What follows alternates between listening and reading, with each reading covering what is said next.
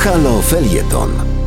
Przed mikrofonem Tadeusz Bartoś, profesor Akademii Humanistycznej w Półtusku, autor m.in. powieści Mnich i traktatu filozoficznego Klątwa Parmenidesa. A oto kolejny z cyklu felietonów Ciężar życia. Refleksje z filozoficznej perspektywy na temat tego, co się mówi i pisze w kraju nad Wisłą. Polityki unikam jak diabeł święconej wody. Tyle tam osobliwości.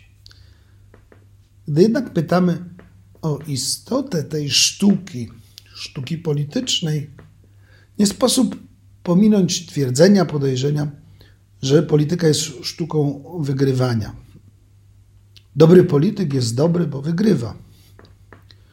Dobry polityk ma rację, gdy wygrywa. Aleksander Macedoński, III Sobieski, Napoleon Bonaparte i cała plejada zwycięzców.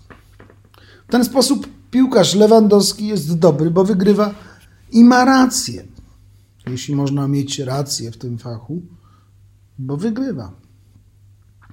Proszę sobie przez chwilę zaryzykować w wyobraźni, że Lewandowski nie wygrywa, że nie umie strzelić bramki.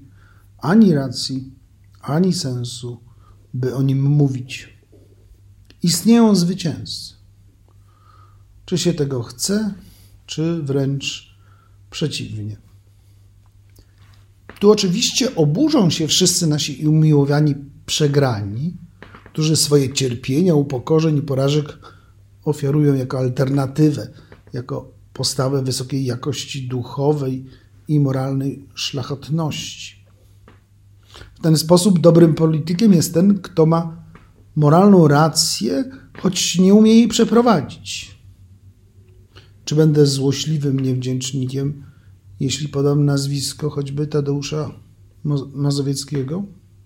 Chyba tak, bo przecież nomina sunt odiosa. Z, per z perspektywy jednak, którą tutaj analizuję, gdy przegrywa ów nosiciel najwyższych wartości, tym lepiej. I niech cierpi w imię wartości, których jest nosicielem. Trochę zamieszania się robi w tych wywodach. Niechciane przeze mnie wnioski mógłby ktoś wyciągnąć. Spróbujmy więc sięgnąć do samych podstaw pytania o politykę. Czym jest w perspektywie dziejowej? Otóż jest zawsze walką o władzę. Walka może być wedle przyjętych reguł lub ze złamaniem reguł.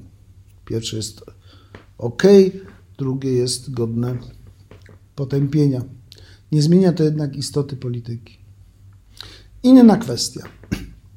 Nie sposób ominąć w naszym katolickim kraju katolickiej definicji polityki. Brzmi ona roztropna troska o dobro wspólne.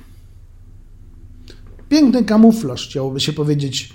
Tu zaczynam kolejną dygresję. Kamuflaż tych, którzy chcą, by cała ludzkość przeszła na katolicyzm, by cała ludzkość ochrzciła się w kościele katolickim, podała posłuszeństwu stolicy apostolskiej, bo to przecież istota katolickiej misji, zwanej z łacińska propaganda fidei, głoszenie wiary. Wiem, że to niedelikatne wobec, wobec tak zwanych katolików otwartych. Wypominam ich, im ich własną tradycję, a oni bezradni mogą udawać, przemilczać, choć to niewiele pomoże. Tradycja katolicka to nie opinie i poglądy, ale dogmaty, w które katolik jest zobowiązany wierzyć. Nie tyle mieć w tej sprawie jakąś opinię, pozytywną lub nie, ale wierzyć z całego serca. W tym, w tym sensie polscy biskupi dobrze rozumieją ideę katolicyzmu jako poddania się i posłuszeństwa. Reveną anomutą dbać nie tylko o własny interes, ale o dobro całego państwa. To klasyczna definicja dobrej polityki wzięta od Platona i Arystotelesa. Katolicy to wzięli od klasycznych mistrzów myśli. Na tym polega skuteczny kamuflaż.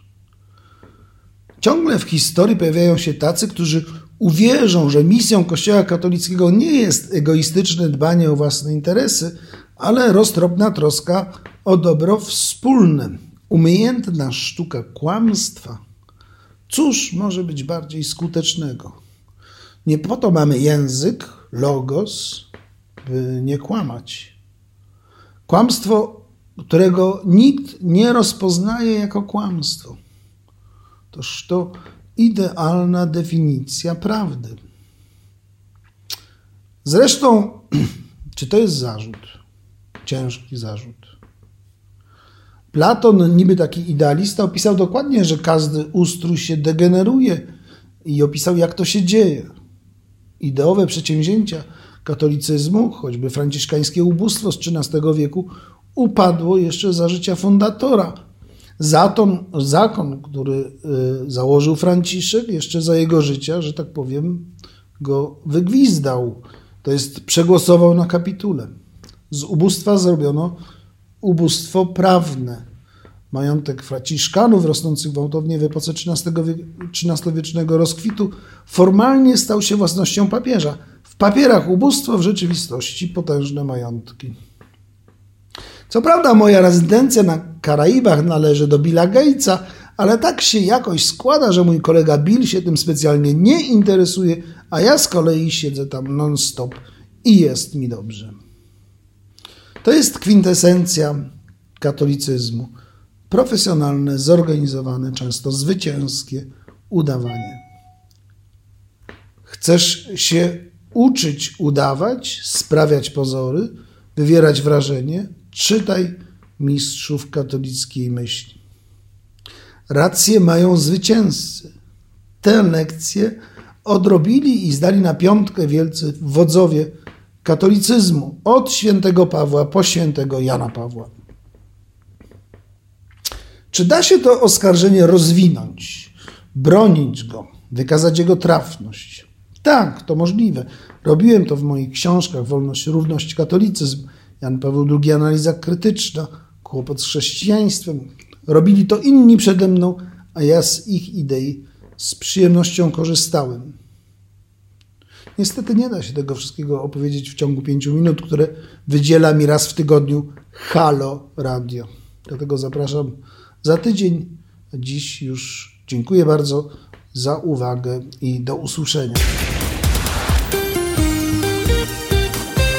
Poniedziałku do soboty zapraszamy Państwa do spędzania czasu z Halo Radio.